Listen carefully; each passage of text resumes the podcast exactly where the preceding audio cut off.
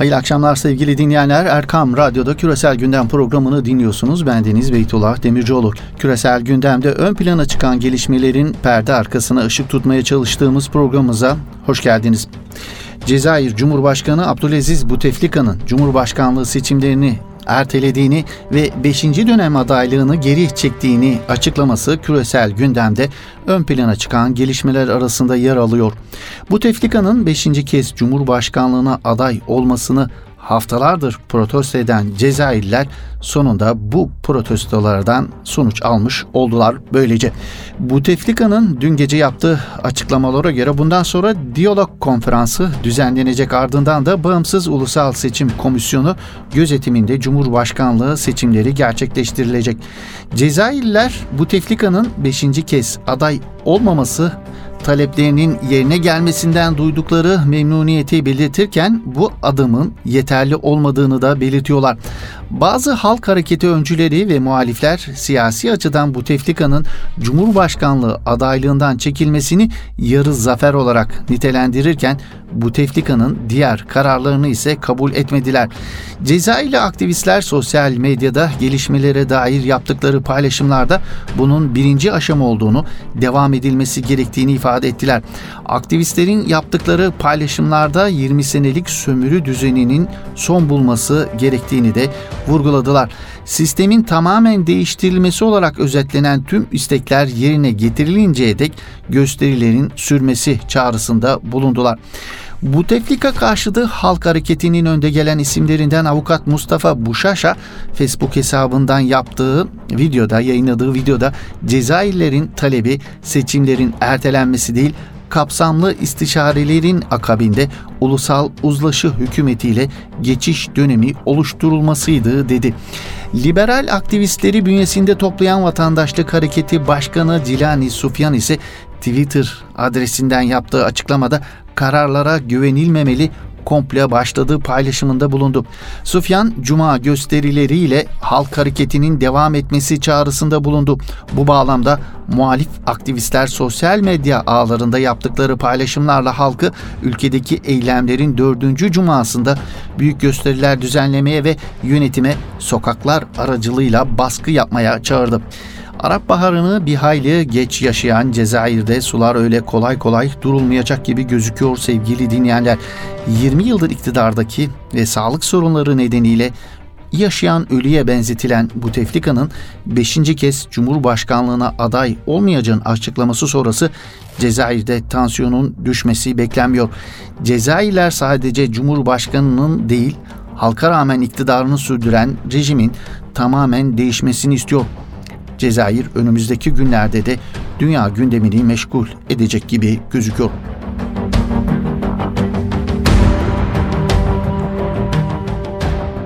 İşgal altında bulundurduğu Filistin topraklarında Yahudileştirme girişimlerine hız veren İsrail'den tehlikeli bir adım daha geldi. İsrail, Müslümanların ilk kıblesi Mescid-i Aksa'nın kapılarından biri olan ve Yahudilerin merhamet kapısı olarak adlandırdığı rahmet kapısını İsrail'i aşırılık yanlısı yerleşimcilerin ibadet etmesi için sinagoga çevirme girişimi çalışmalarını hızlandırmış gözüküyor. Geçen pazartesi akşamı İsrail Suh ve Ceza Mahkemesi savcının El Aksa Camii'nin doğu duvarındaki Bab el Hazine Kilisesini yeniden açma isteğine yanıt vermesi için Kudüs'te Vakıf ve İslam İşleri Konseyi'ne 10 Mart'a kadar izin vermişti. Mahkemenin vakfın konseyi tarafından cevap vermemesi halinde kilisenin İsrail yasalarına göre yasaklanan İslam Miras Komitesi için bir büro olarak kullanıldığı gerekçesiyle son teslim tarihinden sonra kapıyı zorla kapatmaya karar vermesi bekleniyor. İki haftadan fazla bir süredir İsrail makamlarının Kudüs'te 130 Filistinliyi tutukladığı bildirilirken yaklaşık 60 kişinin de Aksa Camii'ne girişine yasak getirildi. 22 Şubat Cuma günü Filistinli Müslümanlar 2003'te İsrail işgal kuvvetleri tarafından ilk defa kapatıldığından beri El Aksa Camii'ndeki rahmet kapısını açmıştı. İşgal altında bulundurduğu Filistin topraklarında baskı ve sindirme politikasını hızlandıran İsrail güçleri bugün de Kubbeti Sahra'ya düzenlediği baskında Mescid-i Aksa'nın imamlarına ve görevlilerine saldırıp Harim-i Şerif'in bazı kapılarını kapattı. Bütün bunlar yaşanırken İsrail gazetesinde çıkan bir haber gözlerin yeniden bölgeye çevrilmesine yol açtı. İsrail gazetelerinde İslami Direniş Hareketi Hamas'ın büyük bir saldırı hazırlığında olduğuna dikkat çekilerek İsrail halkı uyarıldı. İsrail hükümetinin de muhtemel bir saldırıya karşı hazırlık yaptığı iddiasında bulunduğu İsrail medyası.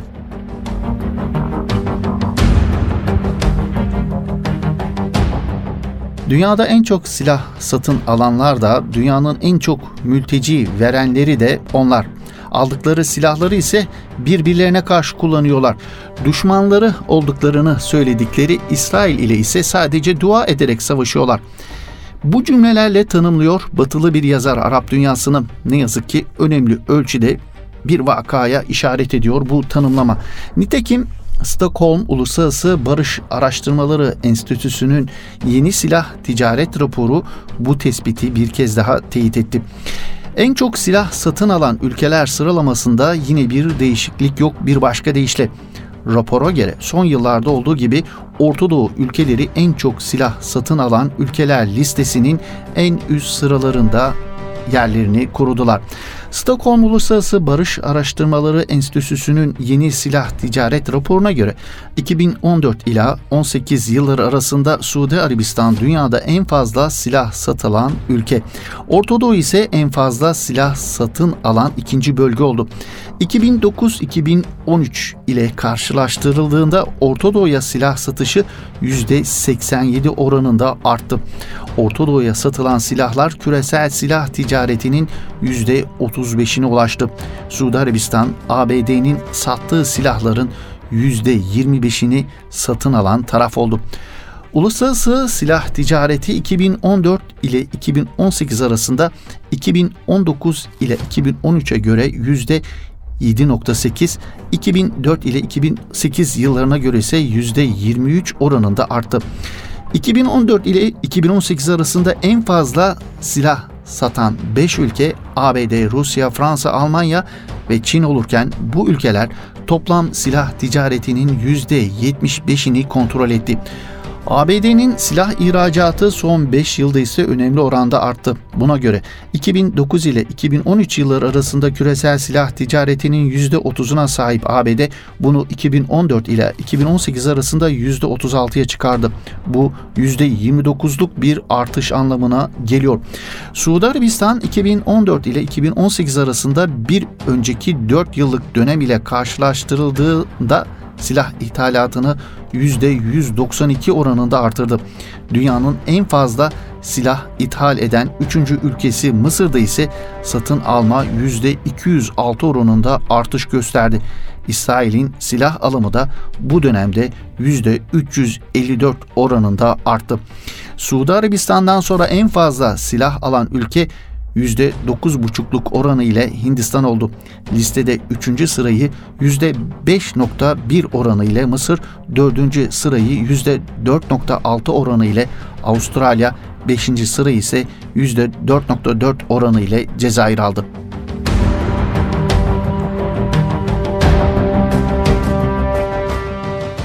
Stockholm Uluslararası Barış Araştırmaları Enstitüsü'nün raporuna göre Türkiye'nin silah ihracatı ise 2014 ile 2018 arasında bir önceki 5 yıllık döneme göre %170 oranında artış gösterdi. Türkiye dünyada en çok silah ihraç eden 14. ülke oldu.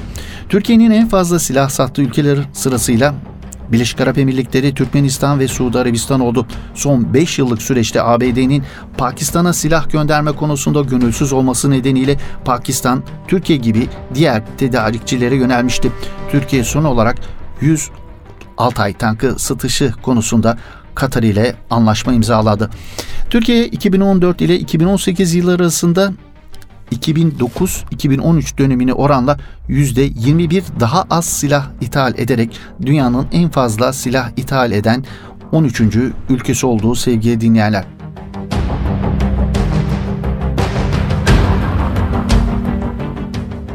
İkinci bir Arap Baharı'nın kapıda olup olmadığı tartışmalarının yapıldığı şu günlerde Arap Baharı sonrası ki süreçte Arap dünyasının ekonomik kayıplarına ilişkin önemli bir bilgi paylaşıldı. Dünya Bankası Başkanı 1. Yardımcısı Mahmut Muhiddin'in açıklamalarına göre 2010 ila 2018 yıllarında yaşanan savaşlar sonucu yaşanan yıkım ve kaçırılan kalkınma fırsatları nedeniyle Arap dünyasının kaybının 900 milyar dolar olduğu belirtildi.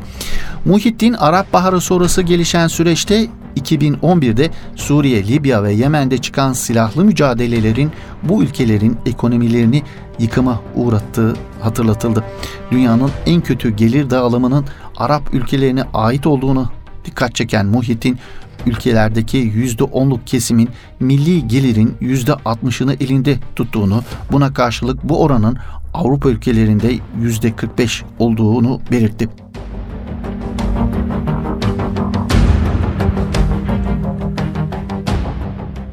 Türkiye düşmanlığının artışta olduğu Avrupa yine karşıt bir adım atmaya hazırlanıyor.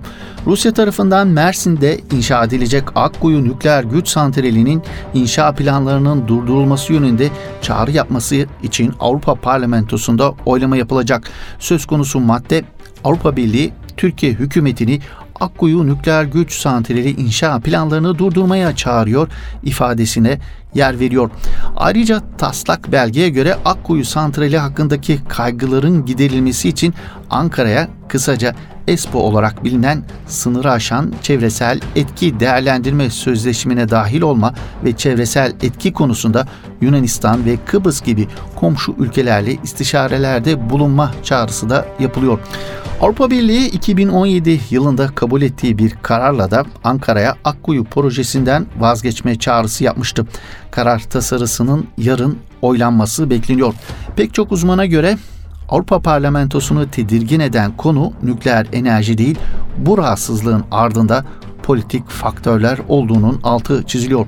Türkiye karşı oylama yapmaya hazırlanan Avrupa için nükleer enerji önemli bir konumda bulunuyor oysa. Avrupa'nın en büyük ülkelerinden biri olan Fransa'da 58 adet nükleer santral bulunurken Avrupa genelinde bu rakam giderek artıyor. Nükleer güç enerji alanında kullanıldığı kadar askeriyede de Avrupa'nın askeri gücüne destek veriyor. Dünya geneline bakıldığında ise Amerika Birleşik Devletleri'nde tam 99 reaktör, Fransa'da 58, Japonya'da 43 reaktör, Çin'de 36, Rusya'da 35, Güney Kore'de ise 25 reaktör bulunuyor sevgili dinleyenler.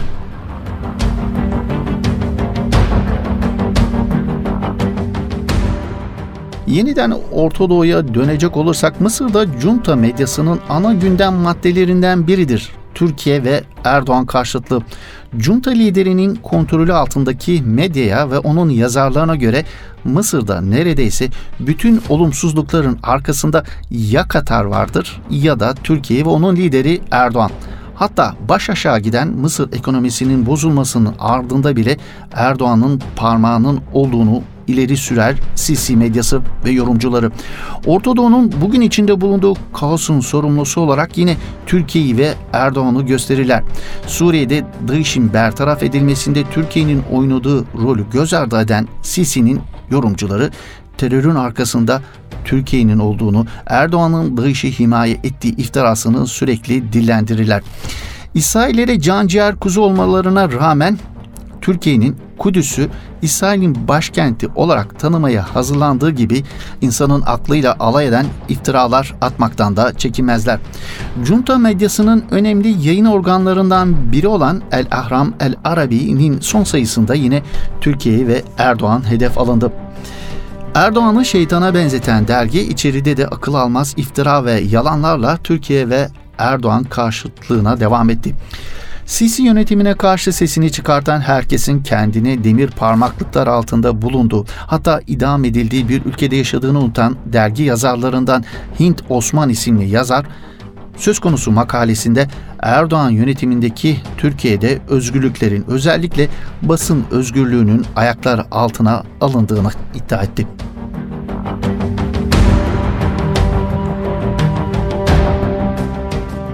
Evet, Mısır'dan söz açılmışken sosyal medyanın junta lideri Abdülfettah Sisi'nin kronikleşen en büyük baş ağrısı olduğunu da vurgulamış olalım. Default CC hashtag'ini sosyal medyada birçok kez zirveye taşıyan sosyal medya kullanıcıları son dönemde mutmain ol sen yalnız değilsin sloganıyla başlayan protestoları CC yönetiminin baş ağrısı olmayı sürdürüyor. Geçtiğimiz haftalarda tek başına açtığı bir pankartla defol git diyen Mısırlı bir gencin tutuklanması sonrası yurt dışından yayın yapan Şark televizyonu sunucusu Mutaz Matar'ın mutmain ol sen yalnız değilsin şeklindeki bir tweet atmış ve bu tweet çığ gibi büyümüştü Mısır mecralarında.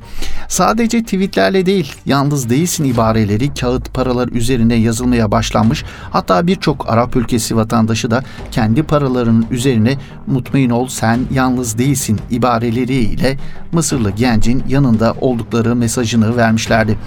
Sisi yönetimine yönelik tepkiler sadece paylaşımlarla da kalmamış, sokaklara inen Mısırlılar tencere tava ve ıslık çalarak darbeci Sisi'nin zulümlerini protesto etmişlerdi ve hala bu protestolar devam ediyor sevgili dinleyenler. Bu protestolar junta liderini bir hayli tedirgin etmiş gözüküyor. Birçok vesileyle de bu kaygısını dile getiren Abdülfettah Sisi, Facebook ve Twitter gibi sosyal medya mecralarının sıkılan kurşundan dahi daha tehlikeli olduğunu söylüyor.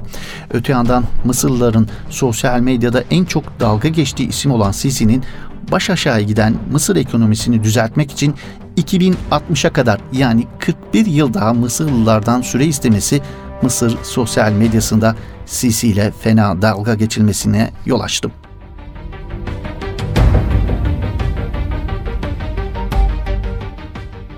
Bu arada Mısır medyası daha doğrusu Sisi medyasının hedef tahtasına koyduğu Cumhurbaşkanı Erdoğan, Kuveytlilere göre en sevilen dünya lideri.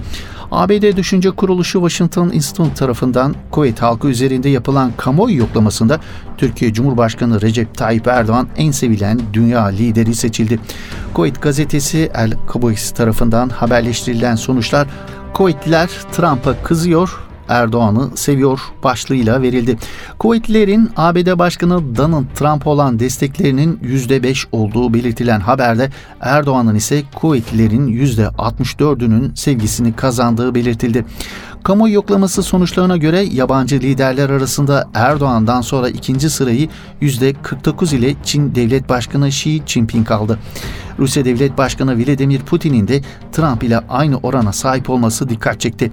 Son yıllarda iki ülke arasındaki üst düzey ziyaretlerle gelişen ikili ilişkiler yönetimlerin yanı sıra halk üzerinde de olumlu sonuçlara neden oluyor.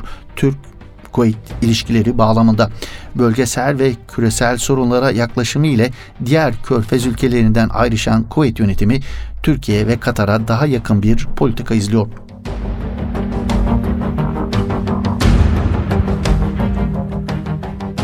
Avrupa, İngiltere'nin Brexit'ten nasıl çıkacağına odaklanmışken Foreign Policy haber yorum dergisinde Avrupa Birliği'nin bir sonraki büyük seçimi felaketle başlıyor başlıklı çıkan bir makalede dillendirilenler bir hayli dikkat çekiciydi sevgili dinleyenler. Mayıs ayında yapılacak Avrupa Parlamentosu seçimlerini konu edinen ve James Straub tarafından kaleme alınan makalede milliyetçiler Avrupa Parlamentosu seçimlerini kazanması durumunda Avrupa Birliği bir daha asla eskisi gibi olmayacak denilerek Avrupa seçmeni uyarılıyor.